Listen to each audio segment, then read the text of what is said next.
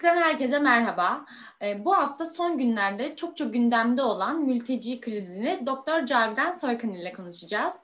Cavidan Hocam hoş geldiniz. Hoş bulduk. E, müsaadenizle sorularıma geçiyorum. Bir saniye. Tabii. Ee, ekranla ilgili bir sıkıntım oldu. Hı hı. Ve Taliban yönetiminden kaçarak İran üzerinden Türkiye'ye gelen Afganistanlıların göçü sürüyor. Afganistanlıların ülkemize girişleri çok konuşuldu, e, görüntüler paylaşıldı. Ülkemize yapılan bu göçleri ve toplumda yarattığı ırk, ırkçı söylemleri nasıl değerlendirebiliriz? Ee, ben aslında burada e, biraz Afganistan'daki durumdan bahsederek e, başlamayı tercih ediyorum. E, gelmeden önce. Çünkü yani sosyal medyadan takip ettiğimiz kadarıyla hepimizin bunun sanki gönüllü bir göç olduğuna dair bir söylem var. E, Suriyeliler üzerinden yükselen zaten dönem dönem özellikle seçimler öncesi en son hatırladığımız kadarıyla 2019 yerel seçimleri öncesi yine e, benzer e, sosyal medya üzerinden nefret söylemi ya da ırkçılık e, dalgasına e, maruz kalmıştık. E, en azından göçmen hakları savunucuları olarak e, ve e, birlikte yaşamayı en azından savunanlar olarak buna karşı çıkmıştık. E, şimdi benzer bir şekilde bu sefer de Afganlara yönelik böyle bir Afganlar gitsin, Afganları almayalım. Ben hepsini tabii takip edemedim ama en çok gördüğüm Afganlar ülkelerine gitsin, Afganlar geri gitsin e, gibi e, sosyal medyadaki e, hashtaglerin kullanılmasıydı. O yüzden biraz Afganistan'ın e, durumundan aslında bahsetmek istiyorum. Kendi doktora tezimde de e, Afgan mültecilerle çalışmıştım Van'da. Zaten Van'dan girişler yaşanıyor. Van'a da e, çok gelip gitmişliğim var. Başka davaları işte orada e, geri gönderme merkezinde öldürülen e, 18 yaş altı e, küçük bir e, Afgan'ın e, davası vardı. Onu takip etmiştik Af örgütüyle birlikte. E, o yüzden Afganistan'la başlayayım. E, Afganistan e, yani hani bilenler bilmeyenler için özellikle Sovyetler Birliği'nin işgali sonrasında ve Taliban e, yönetiminin gelmesiyle birlikte aslında 70'lerden itibaren çok büyük bir dışarıya göç yaşıyor ülkedeki savaş durumu nedeniyle. E, ve Afganlar en, en çok en çok daha rahat edebilecekleri e, ve sınırlarını da e, kolay geçebildikleri Pakistan ve İran'a geçiyorlar. E, 1990 yılında e, dünyadaki en büyük mülteci grubu Afganlar, şu anda Suriyeliler. E, Suriye'de olan bitenlerden sonra e, 2011 sonrası e, ülkeye çıkışla Suriye e, ilk sıraya yükseldi. Ama Suriye'den önce e, dünyadaki en büyük zorunlu göç hareketini Afgan göçü olarak kabul ediyorduk. E, ve e, dediğim gibi 1990'dan itibaren e, 90'dan hatta 2000'li yıllara kadar bu böyle kabul edildi. Ancak 2002 yılında Birleşmiş Milletler Mülteciler Yüksek Komiserliği e, bir program başlattı. E, Amerika'nın da Afganistan'daki, Amerika Birleşik Devletleri'nin de Afganistan'daki varlığıyla e, ve bu konuda e, uluslararası ilişkilerde ve e, uluslararası e, örgütlerde yaşanan e, bir e, genel kabulle aslında Afganistan'ın artık güvenli hale geldiği e, ve Afganların artık mülteci kabul edilmemesi gerektiği yönünde e, 2010 sonrası diyebileceğim tam buna bir net tarih veremiyoruz ama Türkiye'deki Afganlar için de sıkıntı e, bu tarihlerden sonra başladı. E, bir genel kabul oluştu e, ve böylece hem Avrupa'da, Avrupa Birliği ülkeleri içerisinde hem de Türkiye'de e, Afganistan'dan gelenlere herhangi bir statü verilmemeye başlandı. Ben sağ çalışmalarımı farklı gruplar üzerine yaptım. Suriyeliler henüz ülkeye giriş yapmamıştı. Afganları, Iraklıları, e, İranlıları ve Afrika'dan Türkiye'ye gelen, farklı ülkelerden gelen grupları çalıştım. Örneğin 2008-2009 yıllarında ben Birleşmiş Milletler Mülteciler Yüksek Komiserliği Türkiye ofisiyle, e, ofisindeki e, statü verenlerle ve statü verenlerin hatta en e, başındaki kişi, sorumlu kişiyle bu konuda derinlemesine mülakatlar yaptığımda Afganistanlara, Afganistan'dan gelenlere, Afganlara artık e, 1951 sözleşmesi, 1951 mülteci sözleşmesine göre e, bir statü verilmemeye başlanmıştı. Ya da verilse de diğer gruplarla karşılaştırıldığında bu görece azdı. Bunun e, politik ve uluslararası ilişkilerle ilgili çok fazla nedeni oluyor. O dönem çok fazla mesela Irak'tan Türkiye'ye göç alıyordu ve birinci sırada Iraklılar yer alıyordu ve Amerika Birleşik Devletleri Iraklılar için bir e, yerleştirme programı başlatmıştı.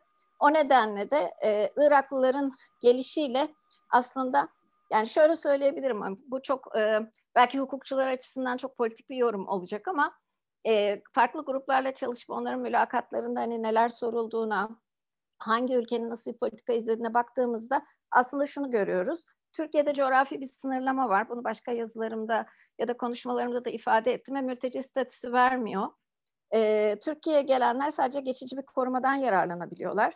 Bu geçici koruma gereği de e, belli bir süre Türkiye'de kalabilirler ve mülteci 1951 mülteci sözleşmesindeki e, hakları kullanamıyorlar. Aslında 1951 mülteci sözleşmesi e, vatandaşlara çok yakın haklar düzenliyor ve e, entegrasyon amaçlı olarak e, bir süre sonra mülteci olan bir kişinin e, vatandaşlığa kabulünün kolaylaştırılmasına dair e, devletlere e, öneride bulunuyor. Yani bu zorunlu değil sözleşme gereği ama hani dünyadaki diğer e, coğrafi sınırlama olmadan kabul eden ülkelere baktığınızda mülteci olan bir kişinin bir süre sonra vatandaşlığa kabul koşullarının da ya ilgili vatandaşlık kanununda ya da o ülkenin iltica ile ilgili göç ve iltica kanunda düzenlendiğini görürsünüz. Ama bizim için böyle bir şey söz konusu değil. O yüzden Türkiye'de hiç mülteci yok diyebilirim. Çünkü sadece Avrupa Konseyi ülkesi, üyesi ülkelerden gelenlere mülteci statüsü veriyoruz. E, ve bu e, Türkiye'ye tabii ki de işte görüyoruz hepimiz biliyoruz. Türkiye Avrupa'dan kimse sığınma amacıyla gelmiyor. Herhangi bir Avrupa Konseyi ülkesinden, Avrupa Birliği ülkesinden gelmiyor. Affedersiniz. Ee, ama doğudan, özellikle doğu sınırlarımızdan çok fazla göç alıyoruz. Ee, ve e, bunu işte Suriye e, zorunlu göçüyle önce yaşadık. E, bu kadar büyük bir grubu ve şu anda dünyada en fazla Suriyelilerin bulunması nedeniyle en büyük e, mülteci grubuna sahip ülkeyiz. Afganistan'a gelecek olursak e, aynı şekilde e, 90 sonrası dediğim gibi e, en büyük mülteci barındıran ülkeyken ve Avrupa'daki çok pek çok ülke Afganlara mülteci statüsü veriyorken 2002 yılında e, Birleşmiş Milletler'in başlattığı bir e, gönüllü geri dönüş programı ve kampanyasıyla aslında Avrupa ülkeleri de artık Afganlara e, koruma verme yönünde e, daha ne diyeyim sıkı politikalar uygulamaya başlıyorlar. Çok daha az Afgan e, uyruklu kişi mülteci statüsü almaya başlıyor. E, onun yerine farklı koruma türleri ortaya çıkıyor aslında. Bizim kanunumuzda da var böyle bir koruma tipi. E, ikinci koruma dediğimiz. E, bu arada e, kanun e, 2013'te bizde ilk defa bir iltica kanunu kabul ediliyor ve e, Avrupa'dan gelenler mülteci statüsü alırken bu bahsettiğim diğer bütün gruplara şartlı mültecilik statüsü veriliyor ve bu şartlı mültecilik dediğim gibi e, aslında çok e, sınırlı haklar tanıyor. Yani kanuna baktığınızda şartlı mültecilik statüsü alan bir kişinin hakları nedir dediğinizde aslında öyle bir e, hak grubu yok. Yani ödevler ve sorumluluklar o kadar fazla ki yani sınır dışı edilmemek için size yüklenen o kadar fazla ödev var ki haklara geldiğinizde en temel haklar olarak eğitim, sağlık e, ve e, birazcık internetimde sıkıntı oldu sanırım. E, ama e, aslında çalışma hakkı da e, çok kısıtlı. E, sağlık hakkında şu anda getirilmiş kısıtlamalar var. O hal dönemindeki e, çıkarılan bir e, KHK ile. E, o yüzden aslında e, gerçek anlamda Türkiye'nin bir mülteci koruması sağladığından bahsedemeyiz. Bir uluslararası koruma sağladığından bahsedemeyiz. E, ama buna rağmen e, tekrar Afganistan'a dönecek olursam, e, 2002 sonrası e, uygulanan politikalarla geri dönüşler e, arttığı için e, Afganistan'a da çok fazla e, özellikle Avrupa Birliği'nin ve Amerika'nın e, para kaynak aktarması söz konusu oluyor. Altyapının yeniden yapılandırılması için ki geri dönenler bir şekilde bir daha tekrar ya Türkiye'ye ya Türkiye üzerinden Avrupa'ya tekrar geri gitmesinler. Aslında amaç bu. Özellikle Avrupa Birliği'nin, Avrupa ülkelerinin amacı bu. E, Türkiye'nin bir ara geçiş bölgesi olarak yani durdurma amaçlı kullanılması. Ben hani kendi çalışmalarımda bunu iddia ediyorum.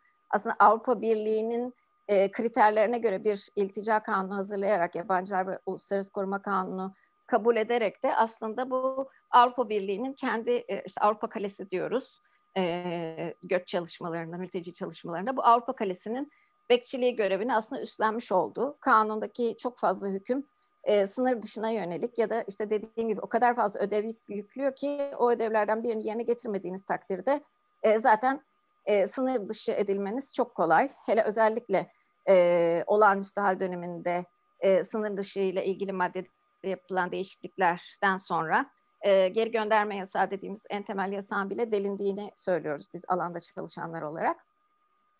E, Afganistan'a yine geri dönecek olursam, e, 2000 benim e, takip edebildiğim kadarıyla bunun e, net bir açıklaması olmadı uluslararası politikada ama 2014 yılında ilk defa Afganlar çok büyük bir mesela Türkiye'de eylem yaptılar. Bize hiçbir statü verilmiyor, hiçbir haktan yararlanamıyoruz. E, ve dışı edilmeye başlandık diye çok uzun e, bir ayı geçen bir direnişleri oldu Ankara'da. E, ben de hatta o dönemde çok pek çok e, Afgan arkadaşla tanıştım ve şu anda hala onlarla irtibat halindeyim. Bir kısmı artık 2014'ten bugün hiçbir statü alamadı, hiçbir hakta düzensiz yollarla gitmeyi tercih etti, kaçakçılara para ödeyip gitme, gitmeyi tercih etti. Kimisi ise e, ne, ne yazık ki sınır dışı kararları çıktı çok yakında mesela bir Afgan arkadaşıma ve onun için bayağı bir uğraşmak zorunda kaldık sınır dışını durdurmak için ve e, başka bir ülke e, sığınmacı vizesi vererek kabul etti ve tekrardan aynı prosedürü şu anda gittiği ülkede yaşıyor mülteci olabilmek için. E, genel olarak aslında Afganlara yönelik dünyada böyle bir politika var. E, mülteci kabul etmemeye dönük bir politika var. E, şu anki duruma geri dönecek olursak e, Amerika'nın çekilmesi sonrası Taliban e, çok güçlenmiş durumda. Yani benim takip edebildiğim kadarıyla Kabil dışında bir iki tane sadece bölge, hani bölge ya da eyalet olarak nitelendirebiliriz. Çünkü bir bölgenin de oldukça büyük, coğrafya olarak çok büyük bir ülke. E, ve o bölgenin içinde belli şehirler sadece e, daha korunaklı, güvenli diyebiliriz. E, ama özellikle Pakistan sınırına yakın tarafta e, Taliban'ın çok ciddi bir e, gücü var. O yüzden zaten Pakistan'a gitmeleri e, mümkün değil. Dediğim gibi daha önceki dönemlerde en fazla ülkeden kaçış İran'a ve Pakistan'a olmuştu. Peki neden İran'dan e, İran'da kalmıyorlar? Buna dönük bir özellikle e, soru, şüphe gördüm. E, sosyal medyada ya da işte e, bu konuyla ilgili haber yapan e, gazeteci arkadaşlarda. Ee, İran'ın da izlediği yani Birleşmiş Milletler Mülteciler Yüksek Komiserliği'nin aynı zamanda İran'a da bir baskısı oldu. Ee, Afganistan'ı tekrar güvenli hale getirip orada yeniden yerleştirmeyi ve ülkeyi işte yeniden kurmayı ve böylece Afganların artık tekrar dünyaya e, dağılmasını, tekrardan ülkeyi terk etmesini önlemek için İran'a da bu yönde bir baskı oldu. Mesela benim sahada görüştüğüm, Afganlarla görüştüğüm, Van'da görüştüğüm dönemde 2009-2010 yıllarında ve sonrasında da aslında yani sahaya e, gittim, hani Van'a gittim ama birebir saha çalışması yapmadım. 2015-2016'ya kadar düzenli olarak Van'a gidiyordum. E, ama en son yine bu yıl mesela Van'dan İranlılarla ve Afganlarla e, internet üzerinden bağlantıyla görüşüyorum. E, en çok duyduğum e, e, sınır geçişlerinin artık e, çok çok daha aslında zorlaştığı, bununla ilgili e, haberleri takip etmişsinizdir. Van e, Barosu'nun Göç ve İltica Komisyonu'nun bir raporu yayınlandı. Hatta bu e, Farsça'ya çevrildi, İngilizce'ye çevrildi ve Van Barosu'nun sayfasında bulmanız mümkün. E, kaçakçıların uyguladığı yöntemler ve yollar değişti ve çok fazla insan aslında hayatını kaybetti. Van Gölü'ndeki e, bot kazalarını biliyoruz. Bunlar hiç 10 yıl önce yaşanan şeyler değildi. E, ama e, bunun sebebi şu, e, İran'ın e, artık tolere etmemesi. İran bir şekilde Afganları tolere ediyordu. Yani benim tanıdığım, benim görüşme yaptığım Afganların neredeyse yüzde sekseni e, yüzde sekseni İran doğumlu diyebilirim. Özellikle e, 20 yaş altı, 25 yaş altı e, Türkiye'ye gelenlerin büyük bir çoğunluğunun e, İran doğumlu olduğunu söyleyebiliriz. Büyük bir kısmı vatansız çünkü hiçbir zaman Afganistan'da bulunmamış. İran'da doğduklarında İran kimlik vermiyor. E, kimlik vermediği gibi bu tolere dediğim, tolere etme de şöyle bir şeydi. Onların e, aslında düzensiz göçmen diyoruz. Bu da Avrupa Birliği'nin bir kavramı ama hani kağıtsız ve kayıtsız e, göçmenler olduklarını biliyor ama sınır dışı etmiyordu. E, belli bir yaşa kadar okula gitmelerine, temel eğitim almalarına izin veriyordu. E, kimlik alabiliyorlardı bir şekilde geçici de olsa. E, ama bunlar e, ben işte sahadayken mesela görüşme yaptığımda en çok neden geldiğiniz diye sorduğumda Türkiye'ye neden geldiniz diye sorduğumda e, artık bizi zorla Afganistan'a geri yollamaya başladılar. Hatta Afganistan'a gidenler ama Afganistan'da gittikleri bölgede ve e, eskiden yaşadıkları şehirde e, yaşayamayıp tekrar İran'a geri dönmek zorunda olanlarla da karşılaştım. Çünkü e, yani geri göndermek demek sadece e, o ülkede işte o bölgede bir çatışmanın olmaması demek değil. E, şu anda baktığımızda da aslında e, Afganistan'a dediğim gibi çok yüklü bir miktarda hem Amerika Birleşik Devletleri'nin hem de Avrupa Birliği'nin bir fon aktarması söz, söz konusu. Peki bu fonlarla ne yapılıyor? Mesela okullar açılıyor, su kuyuları açılıyor. Bir şekilde e, yeniden yerleşebilecekleri ufak da olsa e, artık şehir bile diyemeyeceğim yani yapılandırılmalar oluşturulmaya çalışıyor ki özellikle öncelikle 8 eyalet 8 bölge belirlenmiş ve bu 8 bölgede güvenliği sağlamaya, o 8 bölgenin içindeki şehirlerde güvenliği sağlamaya dönük bir politikası vardı. Uluslararası Göç Örgütü, Birleşmiş Milletler Mülteciler Yüksek Komiserliği e, hem AB hem de Amerika Birleşik Devletleri'nden aldıkları fonlarla. E, ama zannettiler ki hani bu yapılanlarla, bu yap, altyapı yatırımlarıyla bir şekilde e, ve aynı zamanda mikro e, krediler verilerek işte Afganistanlıların geri dönenlerin küçük ölçekli işler yapmaya sağlamaları çalışıldı. İşte ama çok gerçekten hiç yürütülebilecek işler değil işte ne bileyim telefonculuk, küçük bir dükkan açma, e, kadınlar için işte bir takım el sanatları kursları düzenleme gibi burada bizde de mültecilere ne yazık ki Suriyeli mültecilere yapılan aslında onları gerçekten çalışma yaşamına kazandıracak e, faaliyetler ya da işte programlar diyemeyiz bunlara. E, ama bunlar tabii çok işe yaramadığı için Afganistan'dan sürekli olarak e, İran'a, İran'da artık kabul etmediği ve hatta polis şiddet uygulamaya başladığı hiçbir şekilde e, İran'da kalmalarına izin vermediği için bize doğru bir göçe e, zaten Afganlar başlamıştı. Zaten rakamlara bakarsak en son bir Biyanet'e bir yazı yazdım. 2015 sonrası, 2016 sonrası Afganistan'dan Türkiye'ye e, düzensiz yollarla e, girişte çok e, büyük bir artış var. Yani 100 binli rakamlardan e, bahsedebiliriz burada. E, Göç İdaresi'nin sayfasına bakacak olursa merak edenler. E, Afganistanlar bir şekilde Afganlar durduruluyorlar sınırda. E, düzensiz göç rakamları demiş Göç İdaresi bu sayılara. Ama e, şöyle bir sorunumuz var. Yani hem bu Türkiye'de bulunan Afganlar açısından şu, bu arada şu anda Türkiye'de en fazla şartlı mültecilik, uluslararası koruma başvurusu yapanlar birinci sırada Afganlar. Yani bu demek oluyor ki Türkiye'ye gelen e, Afganistan uyrukluların bir koruma ihtiyacı var. E, ve bu anlamda da aslında e, sürekli bir göçmen ifadesi ya da kaçak ifadesi e, geçiyor. Hani ben bundan çok rahatsızım. E, bu kadar e, koruma sayıları yükselmişken, koruma talebi yükselmişken ve insanlar e, bir zorunlu göçten Afganistan'da ki şu anda Taliban korkusuyla e, ayrılırken e, onlara göçmen diye e, göçmen diye hitap etmek işte e, bunun bir zorunlu göç e, sonucu olduğunu e, ve ciddi hayati tehlikeyle karşı karşıya olduklarını göz ardı etmek bence çok tehlikeli.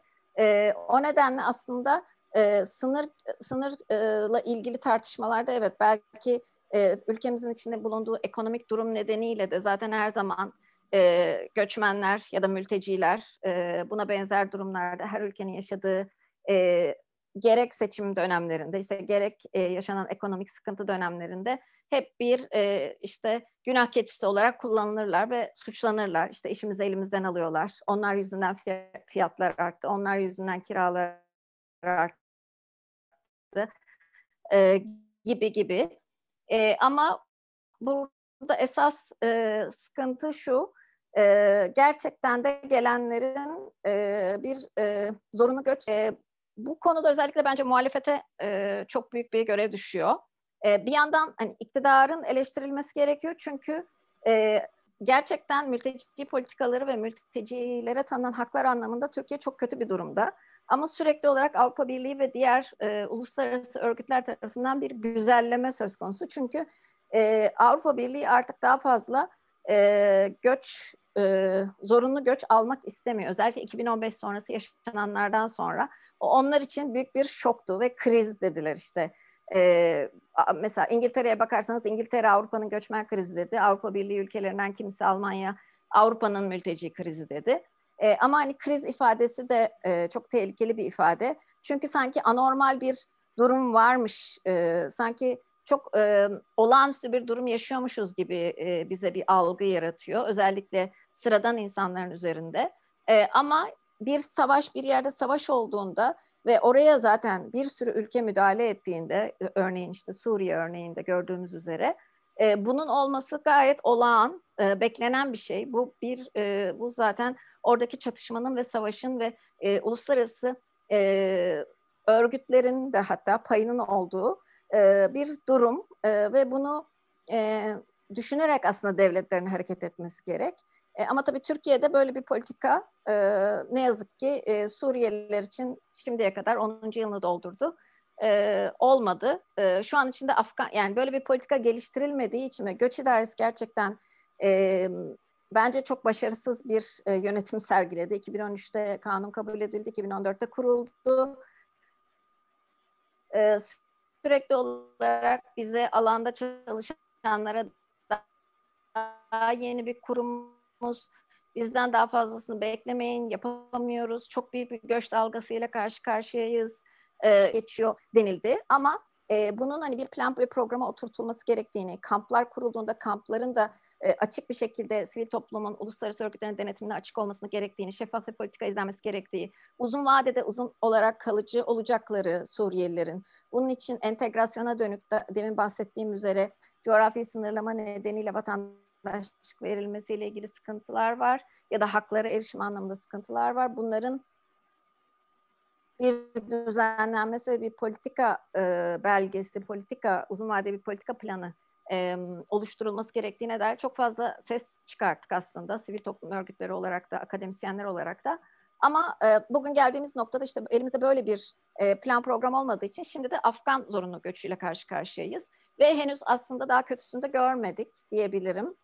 E, hani bir yandan takip etmeye çalışıyorum okuyabildiğim kadarıyla e, daha çok ya da işte Afgan arkadaşlarımdan e, haberler alarak e, en azından hani çatışma durumu olmasa bile e, güvenli olarak kabul edilen ve e, bir şekilde güvenliği sağlanan şehirlerin e, Taliban'ın yönetimi altına girdiğini görüyoruz yani silah zoruyla. İnsanlar da daha önce yaşadıklarını, neler yaşadıklarını bildikleri için tabii doğal olarak kendi yaşadıkları o küçük kente gelmeden ya da kendi yaşadıkları bölgeye sıçramadan bir an önce ülkeyi terk etmeye çalışıyor.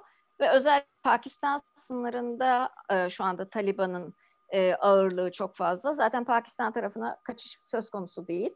Dediğim gibi İran zaten hani hiçbir şekilde artık tolere etmiyor e, ve bize gelişler bu nedenle artmıştı. E, ve şu anda da aslında bunu yaşıyoruz. E, bu noktada e, aslında e, benim e, kullandığım tabir araçsallaştırma. Yani yeri geldiğinde hem iç politika için hem dış politika için e, her iki tarafında hem iktidarında hem muhalefetinde e, mülteci konusunu mültecilerin kendisini araçsallaştırdığını görüyoruz. Başka bir şey için hep araç alıyorlar. Ekonomik sıkıntıyı konuşmamak için iktidar e, araç olarak kullanıyor. Muhalefet iktidarı eleştirmek için mültecileri araçsallaştırıyor. Aslında mülteci sorununu çözmesi ve mülteci sorunu konusunda bir politika geliştirmesi gereken muhalefet partileri ve bu konuda birleşip gerçekten e, bunun ciddi bir sorun olduğunu e, ki ne kadar etkilediğini e, yani kaç gündür konuşuyoruz bilmiyorum bayramdan beri ve bu daha da devam edecek. E, öyle hemen e, kısa sürede çözülecek bir mesele değil. E, o yüzden iki tarafın da e, yani bu böyle bir karşılıklı e, hayır biz mülteci haklarını savunuyoruz dediğinde iktidar e, karşı taraftan da biz onları göndereceğiz gelince gibi bir ses çıkıyor. E, ikisi de aslında yanlış. Çünkü iktidar ne gerçekten bir e, mülteci politikası izledi, göç politikası izledi 10 yıldır e, ve haklar anlamında, insan hakları anlamında. E, öte taraftan muhalefet de e, Türkiye'nin e, mülteci hakları anlamında e, tabi olduğu uluslararası sözleşmelerin ne yazık ki bilgisine sahip değil görebildiğim kadarıyla ki bu kadar kolay e, sürekli bir geri göndereceğiz e, söyleme söz konusu. Burada durayım. Belki de iktidarın yanlış göç politikaları nedeniyle e, halktan da sürekli ırkçı söylemler artarak e, fazlalaşıyor. Sürekli e, gelen Afganlara, yurdumuzda şu an bulunan Suriyelilere tepkiler bu kadar artıyor da denilebilir aslında. Sürekli yanlış politikalar üretiyoruz. E, evet, yani bu, bu noktada özellikle muhalefete dediğim gibi görev düşüyor ve e, Türkiye'nin e, bir yandan da e, Birleşmiş Milletler e, sistemi içerisinde taraf olduğumuz e, pek çok sözleşme var. Sadece kayıplarla ilgili sözleşmeye taraf değiliz. Onu da e, izleyenler tahmin edeceklerdir neden olduğunu. E, zorla kaybetmelere dair en son çıkan bir Birleşmiş Birleşmiş Milletler Sözleşmesi var ve tek taraf olmadığımız sözleşme o. Onun dışındaki bütün sözleşmelere Türkiye taraf bu sözleşmelerin çeşitli mekanizmaları ve Türkiye'de bulunan herkese yani tırnak içinde e, tanıdığı belli haklar var. E, ve bu haklardan yararlanmak da Türkiye'de bulunan e, vatandaş olmayan, vatandaş olsun ol, olsun ya da olmasın herkesin hakkı. Çünkü zaten İnsan Hakları Sözleşmesi'nin e, gereği bu. E, ve en temel olanlarından bir tanesi de geri gönderme yasağı. Geri gönderme yasağı zaten coğrafi sınırlamayla uygulasak da bizi bağlayan bir yasak ve e, uluslararası hukukta hatta hiçbir sözleşmeye taraf olmayan ülkeler için bile işkence yasağı üzerinden bunun geçerli olacağını iddia ed- ediyor. Uluslararası hukukçular iddia ediyoruz mülteci hukukunda da. E, o nedenle bir kere artık sınırdan girişe izin verdikten sonra Afganların ve eğer koruma talebinde bulunurlarsa ki şu anda bulundukları durum ülkedeki e, şiddetin artması durumu ya da işte takip etmemiz gerekiyor. Hangi bölgelerin güvenli, hangi bölgelerin e, daha sıcak çatışmaya maruz kalacağına dair bir takip yapmak gerekiyor ve gelen bütün Afganların kaydının yapılıp eğer varsa ki bu konuda bilgilendirilmeleri gerekiyor ki Türkiye'nin en büyük e, sığınma sisteminin en büyük sorunlarından bir tanesi bu. E, gelen hiçbir sığınmacıya yani koruma talep eden hiç kimseye e, sistemle ilgili Türkiye'deki haklarıyla ilgili hiçbir bilgi verilmemesi. Sorduğunuzda da zaten en çok şikayet e, ettikleri konu bu. Biz neden haklarımızı bilmiyoruz ya da biz neden, yani bu mesela şey için de geçerli. Çok ilginç bir şekilde vatandaşlık kanununda bir değişiklik yapıldı. E, ama o değişikliğin e, şartları tam e, net değil. Yani Türkiye'de belli bir miktarda parası olmak ya da işte yatırım yapmak gibi e, bir değişiklikte istisnai yoldan vatandaşlık maddesi değiştirildi.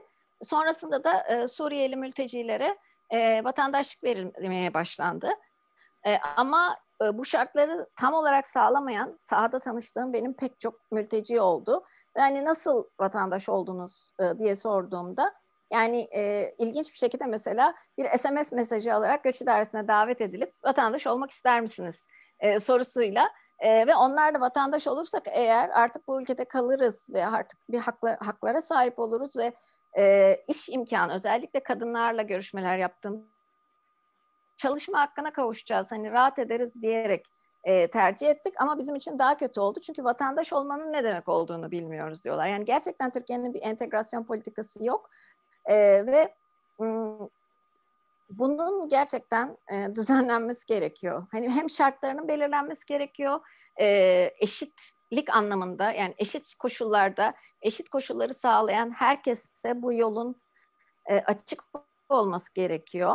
Şartlara bağlanması derken bunu kastediyorum. Yani öyle e, kura usulü gibi ya da işte seçmece işte sana veriyorum sana vermiyorum ya da şu anda mesela kaç kişi toplamda vatandaşlık aldı buna dair e, bir veriye e, düzenli olarak ulaşmamız mümkün olmuyor. Ne zaman ki İçişleri Bakanı bir açıklama yapıyor ya da buna dair e, muhalefet sıkıştırıyor. Bir açıklama geliyor iktidar tarafından. Şu kadar e, Suriyeli vatandaşlık aldı diye bizim de haberimiz olmuş oluyor.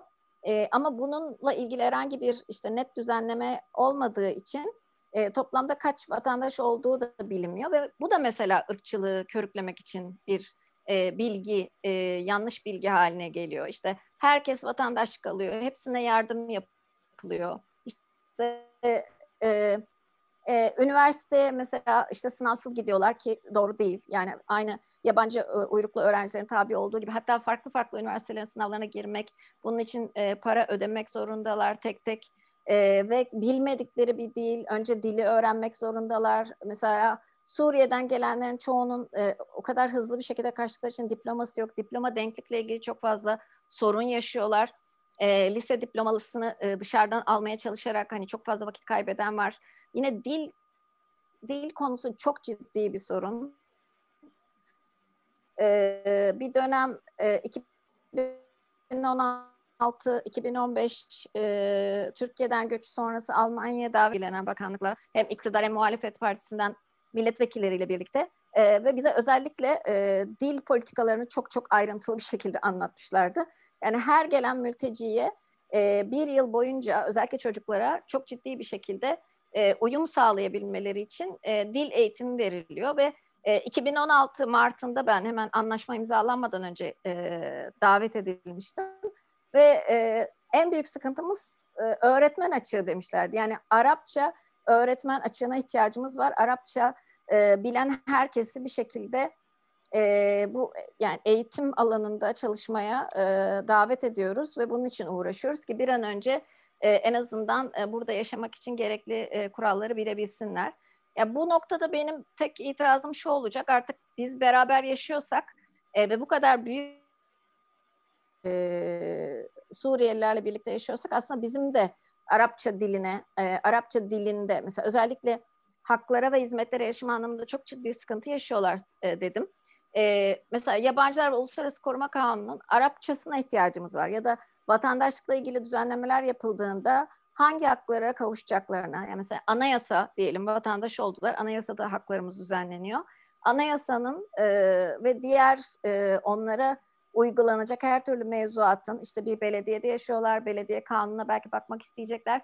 Bununla ilgili e, kamu hizmetlerine erişimle ilgili her türlü e, düzenlemede aslında kendi dillerinde erişebilecekleri bir e, sisteme de ihtiyacımız var. Yani bu belki de e, bilgi ve verme noktaları olabilir. İşte e, göç idaresinin bir e, entegrasyon birimi olabilir. E, farklı şekilde düzenlemeler yapılabilir.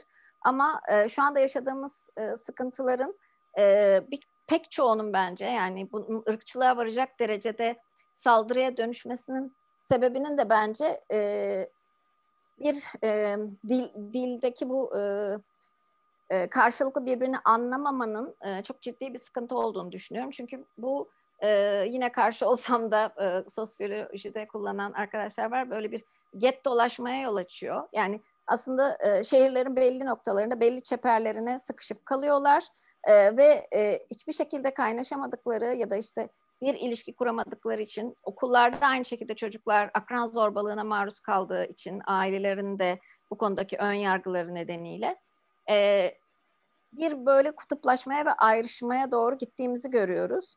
E, ve işte Bilgi Üniversitesi yapıyor e, ya da işte Hrant Dink Vakfı da e, özellikle medya üzerinden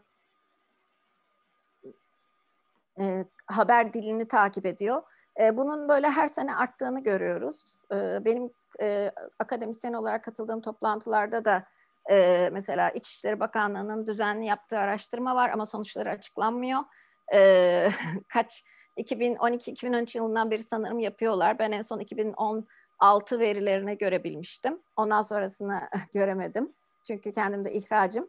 E, o yüzden e, bir daha e, görmem ya da bir toplantıya katılmam mümkün olmadı ama giderek e, Türkiye'deki insanların e, Suriyeli istemiyoruz, Suriyeli komşu istemiyorum ya da e, daha fazla Suriyelilerle yaşamak istemiyorum oranının e, mesela 2016 toplantısına katıldığımda rakamlarının gayet yüksek olduğunu görmüştüm. E, 2012-2013'te karşılaştırıldığında. Şu anda bu ne seviyede bilemiyorum. E, ama e, bu konuda bir politika olmayışının e, sonucunun aslında iktidarda farkında bence ve kendisi de o yüzden zaten e, seçim öncesi yeri geldiğinde biz de istersek göndeririz. E, ya da işte en son e, geçen yıl Meriç sınırında yaşadık e, Yunanistan'la olan e, kara sınırındaki e, gerginlikle işte sınırları açıyoruz demesi e, bu bile aslında bir insan hakları açısından çok ciddi bir e, ihlal anlamına geliyor. Çünkü insanlar öldü, yaralananlar oldu. İçlerinde Suriyeli de var. E, bunun içerisinde e, tabii ki Yunanistan tarafı ateş açtı. E, o nedenle ölümler gerçekleşti. Ama e, bunun olabileceğini tahmin etmek ve insanları o ara bölgede e, korumasız bir şekilde bırakmak ve gidebileceklerini söylemek de aslında e, devletin pozitif sorumluluğunun bir parçası bence. Çünkü o insanların eğer statü verdiyseniz geçilerinde e, benim takip edebildiğim kadarıyla öldürülen bir Suriyeli var e, ve geçici koruma altında. Bu kişinin can güvenliğinden Türkiye sorumlu. E, bu anlamda da aynı şekilde sınırda yaşanan bütün ihlallerde ya da geri göndermeyle yaşanacak herhangi bir ihlalde bu Afganlar için söz konusu olabilir, Suriyeliler için de aynı şey söz konusu. E, Türkiye'nin sorumluluğu olacaktır. Sadece yine 1951 Sözleşmesi'ne göre değil ama diğer e, taraf olduğumuz e, uluslararası insan hakları sözleşmelerine göre. E, durumu siyasilerin söylemlerinden değerlendirecek olursak, e, öncelikle dünya üzerinden e, Avusturya Başbakanı Afgan mültecilere ilişkin eğer insanlar kaçmak zorundalarsa herkesin Avusturya, Almanya'da İsveç'e gelmesindense Türkiye gibi komşu ülkeleri daha doğru yer olarak görüyorum söylemi var. Daha sonra da ülkemizde bir yerel yönetici olan, e, muhalefet partisinden bir yerel yönetici olan Bolu Belediye Başkanı Tanju Özcan da Türk vatandaşıyla yabancı uyruklu vatandaş aynı fiyattan su kullanmayacak. E, 10 kat suya, 10 katta e, katı atık vergisine e, zam yapacağız. Bunu niye yapıyoruz? Çünkü gitsinler istiyoruz gibi bir söylemi var. E, dünyada ve ülkemizde siyasilerin bu tarz söylemlerini peki nasıl değerlendirebiliriz Cavidan Hocam? Um, Avusturya Başbakanı'nın açıklamalarını okudum. Ee, zaten e, ilginç bir şekilde e, yani Avusturya'daki siyasette bir süre takip etmiştim. 2015-2016 e, Türkiye üzerinden göç sırasında, e, zorunlu göç sırasında. E, o dönemde çok fazla yani kriminalizasyon diyoruz biz buna. O dönemde e, Türkiye üzerinden yürüyerek Almanya'ya erişmeye çalışan, yardım eden Avusturyalılara yönelik bir e, kriminalizasyon olmuştu. E, kaçakçılık suçu işledikleri, e, arabayla yardım edip işte sınıra kadar götüren e, onları e, ya da yolda onlara bir takım yiyecekler veren, e, yol gösteren Avusturya vatandaşları olmuştu. Onlara karşı da bir e, sağ siyaset saldırıda bulunmuştu. Yine benzer bir şekilde böyle aşırı sağ kayan aslında şu andaki e, başbakan hani aşırı sağ değil e, görünüyor. E, ama aşırı sağa kayan söylemleri benimsediklerini e, sağ partilerin görüyoruz. Çünkü bu işte göç meselesi olduğunda çok işe yarayan bir e, taktik. E, biraz önce de söylediğim sebeplerle işte bu ekonomi olabilir, daha fazla oy kazanmak olabilir ya da kendi e, partisine oy verenleri konsolide etme amaçlı olabilir. E, daha sonra söyledikleri de gerçekten korkunç. Yani hepsini e, okuyup takip edecek olursanız. E, sanki hani burası Türkiye böyle e, yani bir dönem e, polis bunu söylüyordu. Ben sahadayken e, bir iltica kanunu yokken yabancılar polisi sorumluydu e, sığınmacılardan ve onlar coğrafi sınırlamayı kaldırırsak Türkiye işte göçmenlerin e, göçmen deposuna döner. İşte herkesin göçmenlerin attığı, yolladığı bir yere döner gibi bir argüman vardı coğrafi sınırlamayı kaldırmamak için. E, ve ama şu anda baktığımızda ülke haline geldik coğrafi sınırlamayı kaldırmasak da. E, bu da biraz ona benziyor. Yani o tam da o görüştüğüm polislerle yaptığım mülakatlardaki e, söylemin aynısı e, diyebilirim. E, yani hani en yakın ülke e, neresi? İşte Türkiye zaten alıyor. E, çünkü bir kere para karşılığı, e, kirli pazarlık diyoruz biz buna. E, ben en azından ya da bir grup işte e, Avrupa'daki başka e, sol görüşlü akademisyenler de e, bu kirli pazarlık sonucunda aslında e, bir para karşılığı Suriyelileri Türkiye'de e, tutma e, sözü vermiş oldu Türkiye. Çünkü yapılan bir anlaşma değildi. Uluslararası hukuka göre aslında uluslararası hukuka göre yine temeli olan da bir anlaşma değildi. Çünkü e, işte Yunanistan'la Türkiye arasındaki geri gönderme anlaşmasına, düzensiz göçmenleri geri gönderme anlaşmasına dayanıyordu. Ama Türkiye ikide bir her e, sıkıştığında ben bu anlaşmayı yürürlüğünü durduruyorum dedi. En son hala yürürlükte mi değil mi bilmiyoruz.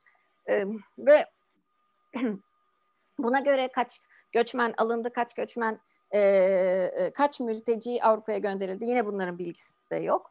E, ama bu anlaşma bizim için şöyle bir imaj çizmiş oldu Türkiye için. Türkiye e, ya para verirsek ki bunu işte Afrika ülkeleri için de yapıyor şu anda e, Avrupa Birliği. E, Afrika'daki ülkeler işte özellikle Libya çok e, öne çıkmış durumda.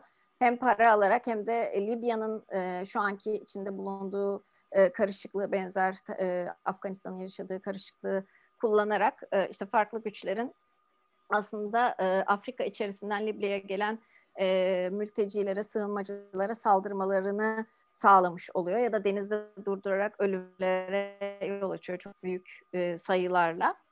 E, aynı e, imaj artık Türkiye için de geçerli e, ki Avusturya Başbakanı bunu söyleyebiliyor. E, tabii ki bizden bir çıkış oldu, Dışişleri Bakanlığı'ndan bir çıkış oldu sözcülükten. E, kesinlikle işte bunu kabul etmiyoruz diye. E, ama bu çıkış sonrası neler olacak göreceğiz. Çünkü e, yani şu anda eğer kapıyı açtık ve alıyorsak E, bunun sorumluluğunu da almamız gerekecek. E, bir yandan da iktidar çünkü aldık artık e, ve e, muhalefeti suçluyor. Muhalefetin geri gönderilmesi gerekir ya da işte alınmaması gerekir söylemine karşı e, koruma ihtiyacı içerisinde olduklarını iddia ediyor. O zaman bunun gereğinin de yapılması gerekir.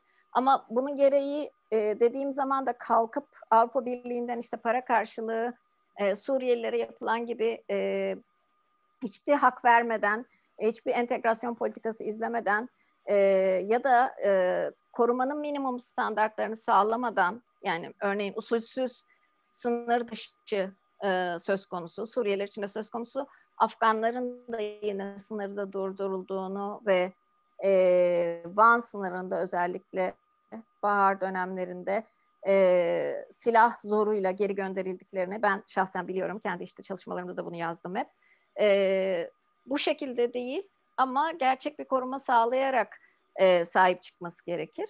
E, bunun nasıl ilerleyeceğini zaman içinde göstereceğiz ama Avusturya Başbakanı ki çok e, dediğim gibi aşırı sağa kayan ve ırkçı bir söylemdi.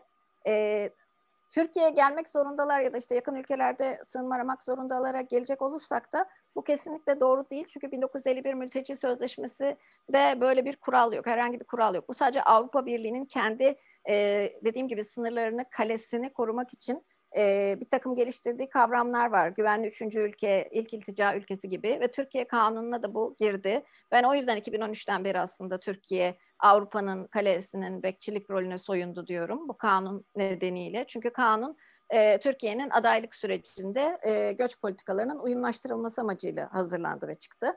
Ve e, bütün Avrupa Birliği'nin e, göç ve iltica ile ilgili direktiflerindeki kavramları da biz adapte ettik. İşte Türkçe'ye çevirerek düzensiz göçmen bunlardan biri. İşte üçüncü e, e, ilk iltica ülkesi ya da işte üçüncü ülke kavramı e, bunlardan bir tanesi. Sınır dışı ile ilgili e, getirilen kuralların pek çoğu yine aynı şekilde Avrupa Birliği e, direktiflerinden çeviri ya da e, en basiti e, idari gözetim. E, bu aslında bir gözaltı, kapatılma. Yani e, sınır dışı edilmeden önce e, 60 güne kadar, e, 60 günden pardon affedersiniz 6 aya kadar e, özgürlüğünüzden yoksun bırakılabiliyorsunuz. E, eğer düzensiz bir şekilde giriş yapmış bir göçmenseniz. E, ve şu anda mesela bunların rakamlarını bilmiyoruz. Kaç kişi bu şekilde dediğim gibi yüz binlerce Afgan durdurulmuş. Bunların hepsini e, idari gözetime kapatamadığımıza göre o kadar büyük bir kapasitemiz yok.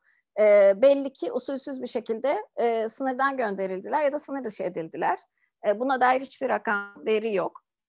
E, bir yandan dediğim gibi iktidarın böyle çok ciddi bir sorunu var.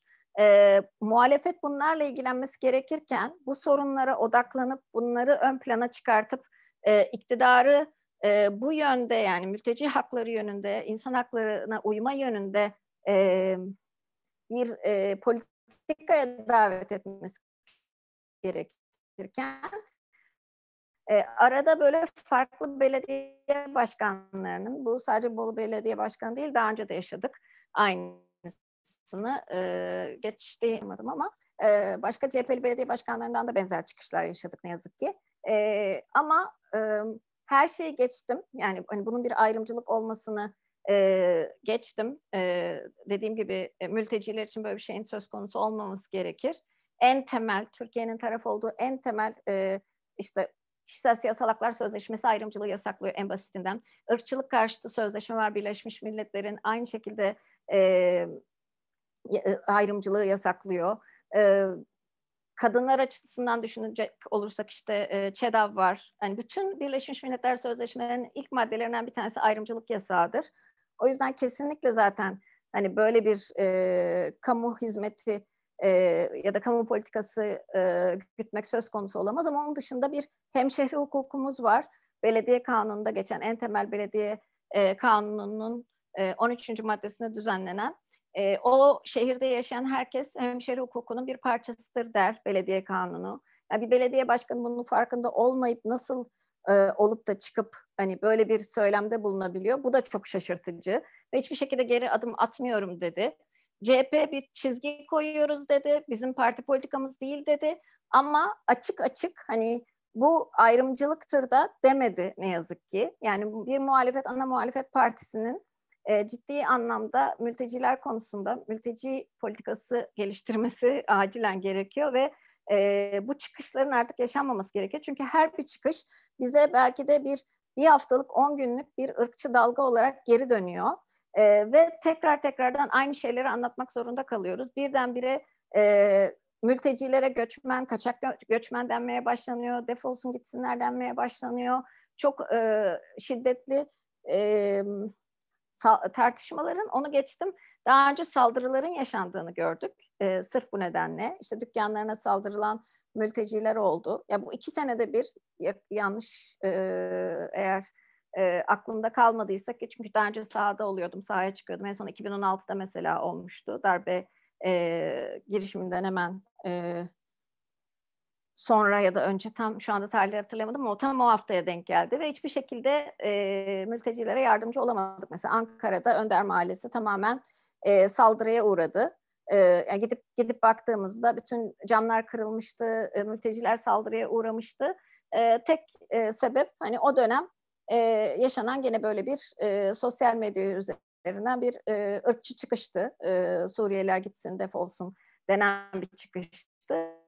Yani bunun yerelde e, sonuçlarını mülteciler yaşıyor. Kimin haber bile olmuyor, haberimiz bile olmuyor. E, öldürülenlere dair mesela bu saldırılar sonucu öldürülenlere dair bir izleme faaliyeti söz konusu değil. E, her sene en az birkaç olay oluyor. Ben mesela e, bir e, saldırı olduğunda o saldırının acaba e, suçlusu yakalandı mı ya da yakalandıysa e, ona dava açıldı mı, o davayı takip etmek mümkün mü diye araştırmaya çalışıyorum elimden geldiğince. Bir yere kaydetmeye çalışıyorum bu haberleri. Ama hiçbir zaman e, bununla ilgili bir haber yapıldığını görmüyorum. Alternatif medyada bile bulmak çok zor. Yani çok fazla mesela geçen yaz yanlış hatırlamıyorsam yine Antep'te bir aile saldırıya uğramıştı e, ve öldürülenler olmuş. Ama yakalandı mı saldırgan, ne ceza aldı, e, takibi yapıldı mı buna dair elimizde hiçbir veri yok. E, çok basit gibi görünen çıkışlar ne yazık ki e, insan hayatıyla sonuçlanıyor, e, yaşam hakkı ihlalleriyle sonuçlanıyor. E, o yüzden bence yani, muhalefetin çok dikkatli bir dil e, kurması ve gerçekten insan hakları sözleşmeleri gereği Türkiye'nin e, verdiği güvencelerin, herkese tanıdığı güvencelerin farkında olarak e, konuşması, bir söylem geliştirmesi gerekiyor. Peki Cavidan Hocam son soru olarak e, toplumda bu insanların geri gönderilmesi sürekli konuşuluyor. E, söylediğiniz gibi siyasilerin e, dilini e, ırkçılığa kaydırmasıyla ya da söylemlerini bu noktaya taşımasıyla da insanlar da işte sürekli e, birkaç ayda bir e, Suriyeliler geri gitsin. Ondan sonra ülkemize yeni göçmen ya da mülteci gelmesin gibi sürekli bir tepki doğuyor. Peki bu insanların geri gönderilmesi durumunda bu insanlar nasıl şartlarla karşılaşılacak? Hani geri göndermeye uygun bir yaşam e, koşulu mümkün mü? Ee, öncelikle şunu söyleyeyim. Ee, dediğim gibi en basit e, Türkiye'nin uygulaması gereken uluslararası hukuk kuralı geri gönderme yasağı. Ee, bu şu an için Afganlar için de geçerli artık. Ülkeye giriş yaptıktan sonra e, bir koruma ihtiyaçları var mı yok mu bakılması ve ondan sonra geri gönderilmeleri eğer mümkünse ve güvenliyse gerekiyor. Ee, Afganistan için bakacak olursak dediğim gibi farklı bölgelerde Taliban'ın şu anda e, bir şekilde e, e, hükümetten yetkiyi ele geçirdiğini görüyoruz. E, ama o bölgeler e, güvenli bölgeler olsa bile dediğim gibi Afganistan'ı takip ediyorum bir süredir. E, ülke içerisinde bir hayat yok. E, daha önce mesela Irak için e, kullanmıştı bunu antropologlar, Irak üzerine çalışan e, Amerikalı antropologların e, kullandığı. Daha doğrusu hatta Bosna e, Savaşı'nın üzerinden Bosna'yı örnek alarak ortaya attıkları bir kavram. E, sosyal kırım diye çevirebiliriz. E, social side bu işte e, intihar kelimesinden geliyor. Şimdi çevre kırımı diyoruz mesela. E, küresel e, iklim krizini baz alarak işte bunun artık bir insanlık suç oluşturması gerektirdiğine dair tartışmalar var. Aynı şekilde bir ülkenin bütün bir sosyal hayatının ortadan kalktığını e, hiçbir şekilde bir yaşam alanı olmadığını, bir gündelik hayat olmadığını düşünün. Kişi ne kadar güvenli olursa olsun oraya geri gönderildiğinde ki dediğim gibi yani kişinin güvenliği öncelik ve tek tek her bir bireyin gideceği yerde güvenliğinden e, Türkiye Cumhuriyeti Devleti sorumlu e, ve başka bir ülkeye o ülkenin geri göndermeyeceğinden de sorumlu. Mesela kalkıp Afganları İran'a biz sınır dışı ediyoruz dediğinde İran'ın da aslında e, geri gönderilen Afganların e, Afganistan'ın e, tehlikeli bölgelerine, e, bedensel bütünlüklerinin, yaşam haklarının tehlikeli olacağı bölgelerine gönderilmeyeceğinden emin olması gerekiyor. Yani bu sadece e, geri gideceği ülkeyle, e, gönderileceği ülkeyle bağlı bir sorumluluk da değil. Ama bunun da ötesinde yani ben artık hani e, e, sosyolegal çalışmalar dediğim bir alanda çalışıyorum. Hem sosyoloji hem hukuk. E, benim açımdan yani bunun da ötesinde e, sosyolojik olarak baktığımızda e, gittiği yerdeki yaşam koşullarının e, bir hayat kurup kuramayacağının, e, işte barınma hakkının olduğu, işte insan hakları bir bütündür deriz hep insan hakları anlatırken. E, ayrılamaz deriz bütün haklar. E, barınma hakkı, su hakkı, e, bunun bir parçası en basiti, en temel, e, e, yaşamak için en temel gerekli olanlar. Ama sadece o da değil. Yani dediğim gibi Afganistan üzerine çalışıyordum son dönemde. E, su kuyuları açıyor mesela Avrupa Birliği'nden gelen paralarla. E, Birleşmiş Milletler en çok su kuyusu açmaya ve bir hayat kurmaya çalışıyor. Güvenli olan bir bölgede bile. E, ama okul yok, işte bir barınma imkanı yok. Ki Suriye'yi düşünün, Suriye tamamen hani güvenli demek e, bence e, yani hiçbir söyleyecek söz bulamıyorum. Çünkü e, şu anda e, yani insanların isyan ettiği e, bu isyan sonucunda e, işte binlerce kişinin, binler, on binlerce kişinin e, hapse atıldığı, zorla kaybetmelerin çok büyük oranda zorla kaybetmelerin olduğu, e, işkencenin çok yoğun hala devam ettiğinin raporlandığı e, bir e, rejim iktidarda. E, ve bir Suriyeli'ye sorduğunuzda e, eminim yani mutlaka bir yakını kaybetmiştir. Yani benim etrafımdaki Suriyeli tanıdığım arkadaşlarımın yani ya da işte bir yakınını kaybetmeyen yok. En basiti sahada görüştüğüm Suriyelilerden hani nasıl geldiniz dediğimdeki ilk duyduğum cevap hani birden bir mahallemizde patlama oldu. Yani gözünüzün önünde camdan bakarken e, gözünüzün önünde insanların öldüğünü görüyorsunuz ve bir anda bir mahalleniz çatışma alanına dönüşüyor.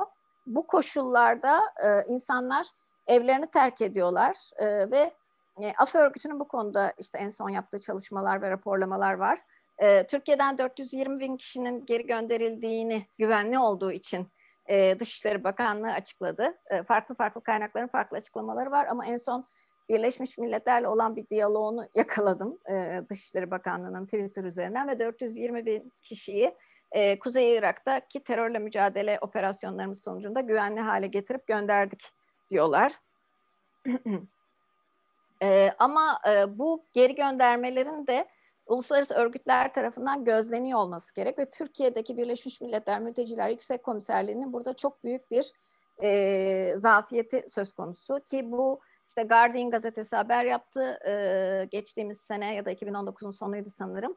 E, bu geri göndermeleri takip etmediklerini açıklamak zorunda kaldılar. Yani geri gönderme sırasında bunun gönüllü bir geri dönüş olduğu, kişinin gideceği yerde e, güvenli olacağını, e, onun ne beklediğinin bilgisinin kendi anlayabileceği bir dilde ona verilmesi gerekiyor ki bunun adına güvenli geri dönüş diyelim. E, zaten geri dönüşün olabilmesi yani bir seçenek olabilmesi mülteci hukukunda ancak gönüllülüğe dayalı e, olabilir. Öbür türlüsü zorla geri gönderdiğinizde aslında bu bir sınır dışına girmiş olur. E, ve kişiler, e, geri dönen kişilerle laf örgütünün yaptığı geniş çaplı araştırmada Suriye'de e, kendilerine bu konuda hiçbir bilgi verilmediği, geri döndüklerinde e, ki e, tabii ki de evlerini ya da yaşam alanlarını bıraktıkları gibi bulmadıklarını, çok ciddi barınma ve e, temel gıda maddelerine erişimde sıkıntı yaşadıklarını e, söylüyorlar ve yanıltıldıklarını, yanlış bilgi verildiğini ki bu geri gönderme politikasını uygulayan sadece bizde değiliz, Ürdün'de e, bunu yaptı. Aynı şekilde bölge ülkeleri de bir şekilde e, geri göndermelere başladılar aynı anda. E, çünkü e, Esad rejiminin düşmeyeceği, e, ülkedeki e, siyasetin değişmeyeceği anlaşıldı. E, ve e, hiçbir ülke aslında bölgedeki hiçbir ülke Türkiye ile beraber diğer ülkelerde mülteci statüsü tanımadığı ve belli haklar vermediği için ve bu onlar için çok büyük bir ekonomik yüke dönüştüğü için e, aslında geri göndermek istiyor. Ama e, bu geri göndermelerin dediğim gibi e, sadece e, yaşam hakkı ihlali doğurmayacak şekilde değil ama aynı zamanda bir yaşam kurabilmesine o kişinin imkan verecek düzeyde e, güvenli olması gerekiyor. E, ama Türkiye'ye şimdiye kadar e, ne yazık ki e, uluslararası hukuka göre, mülteci hukukuna göre e, bu kuralları uygulayarak bu standartlarda geri göndermeler gerçekleştirmedi. E, şimdi benim korkum da açıkçası Afganlar açısından aynı şeyin yaşanması e, ve e, yani bu dalga, ırkçı dalga ya da işte muhalefet partisi eğer bir şekilde bu soruna e, daha farklı bir şekilde yaklaşmazsa, insan hakları perspektifinden, mülteci hakları perspektifinden yaklaşmazsa e, benzer bir durumu e, Afganistan içinde görmemiz söz konusu. Çünkü henüz e, daha tam olarak Taliban e, hakimiyet kurmadı. E, yavaş yavaş e, bölge bölge işte eyalet eyalet e, hakimiyetini gerçekleştiriyor. En son işte Ka Kabil çevresine kadar e, gücü e, ele geçirmiş durumda. E, ama başkentte eğer hakim olursa işte bölgeye hakim olursa e, sonrasında ne olacağını bilmiyoruz. Bu durumda büyük ihtimalle bütün Avrupa Birliği e, fonları, e, Uluslararası Göç Örgütü'nün bütün yaptığı yardımlar, fonlar, e, altyapı hizmetleri hepsi birden kesilecek ve onlar kesildiğinde esas ortaya çıkacak zorunlu göç dalgasını düşünemiyorum. Şu anda aslında o onların e, bu e, mali yardımları e, ve varlıkları bir şekilde sahadaki varlıkları durduruyor diyebilirim e, Afganları. E, ama çok daha büyük bir e, hareket, e, zorunlu göç hareketi ile e, İran üzerinden Türkiye'ye karşı karşıya kalabilir ve bunun e, çaresi ne yazık ki böyle karşı karşıya sürekli gitsinler gelsinler işte göndeririz e, gibi e, hiçbir şekilde insan haklarına uygun olmayan bir söylem benimseyerek e, verimli olmayan tartışmalar yürütmek değil ne yazık ki. Böyle söyleyebilirim. Peki sizin son olarak eklemek istediğiniz bir şey var mı diye sorup sonrasında da kapatayım yayınımızı. Sanırım yani söylemek istediğim şeyleri söyledim. En önemli vurgulamak istediğim geri gönderme yasağıydı aslında ve sınır geçişleriydi. Yani bir kere e, sınır geçmiş bir kişinin mutlaka e, Türkiye'deki koruma seçenekleri konusunda bilgilendirilmesi e, gerekiyor. Ki zaten verilebilecek koruma sınırlı ve geçici nitelikte. E, ama yine de bu konuda bilgilendirilmeleri ve sınır dışı söz konusuysa dediğim gibi e, bunun usulsüz bir şekilde geri gönderme olarak ya da sınırda tehditle yapılmaması gerekiyor. Bu bir insan hakkı ihlali. E, ama içeri girenler de aynı şekilde e, Türkiye'nin artık e, koruması altında diyebilirim e, yaşam hakkı ihlaline karşı. En minimumu bu e, işkence yasağı kapsamında. Ve muhalefet partisinin de e, bunun bilincinde olarak e, bir söylem geliştirmesi şart gerçekten. Çünkü e, çok büyük bir gerginlik ve e, yanlış bilgi e, yayılımına sebep oluyor iki tarafın açıklamaları. E, ve bunun önüne geçmenin tek yolu gerçek bilgiyi e, kendi seçmenleriyle paylaşmaları. E, umarım yani bu konuda bir adım atar e, CHP e, ve e, daha insan hakları temelli bir e, söylem benimseyip bu konuyu çözmeye dönük olarak e, bir politika e, ger, e, gerçekleştir bir nokta e, bir de altını çizmek istiyorum. Ben hani farklı politikacılarda farklı politikacılarla çalıştım. CHP'den, HDP'den. Dediğim gibi yurt dışına davet aldığımda farklı milletvekilleriyle e, gittiğim e, ülkeler oldu. işte Brüksel ya da Berlin gibi e, yerlere davet edildik Avrupa Parlamentosu'na. E, şu dikkatimi çekiyor. Nedense muhalefet partisinde özellikle CHP'de e, göç ve iltica ile ilgili, mültecilerle ilgili e, kişiler sürekli değişiyor. Yani ben bunun biraz CHP'nin bu konuyu çok ciddi bir parti politikası olarak almadığına yoruyorum. E, ve ben bir muhatap olarak biriyle e, bu konuda görüşmeye çalıştığımda ne yazık ki karşımdaki kişi sürekli değişiyor. E, bence e, bu e, artık e, parti politikalarının yani bütün partiler için söylüyorum e, temellerinden bir tanesi olmak zorunda. Yani bunun üzerine ciddi çalışma yürütülmesi, bir parti programının içine alınması e, ve e, uzun vadeli bir plan yapılması gerekiyor ve bu kişilerin değişmemesi gerekiyor. Çünkü kişiler değiştikçe e, ne yazık ki tekrardan yeni baştan biz başlıyoruz alanda çalışanlar olarak ya, ya da akademisyenler olarak. Ben yani şu söylediklerimi 2014 yılından beri farklı farklı milletvekillerine, farklı farklı politikacılara anlatmışımdır sanırım. E, ve bu yüzden de bir türlü bir yere varamıyoruz, ilerleyemiyoruz bence. E, bunun altını çizmek istedim en son olarak. E, bu söyledikleriniz de hem e, bizlere hem de muhalefet partisine e, umarım bir uyarı ve bilgi niteliğinde olmuştur. E, çok teşekkür ederim katılımınızdan dolayı size Cavidan Hocam. Ben teşekkür ederim. Ben teşekkür izleyen ederim. herkese de çok teşekkür ederim. Bir sonraki sosyal hukuk programında görüşmek üzere. Sağlıcakla kalın diyorum. İyi günler. Hoşçakalın. Türkiye'nin sivil, bağımsız, özgür ve çoğulcu bir medya ortamına ihtiyacı var. Medyaskop 20 Ağustos 2015'te bu ihtiyacı karşılamak üzere yola çıktı. Ama yolumuz uzun. Bu yolculukta bize Patreon veya YouTube'un katıl butonu üzerinden katkıda bulunabilirsiniz. Destek verin, sizinle güçlenelim.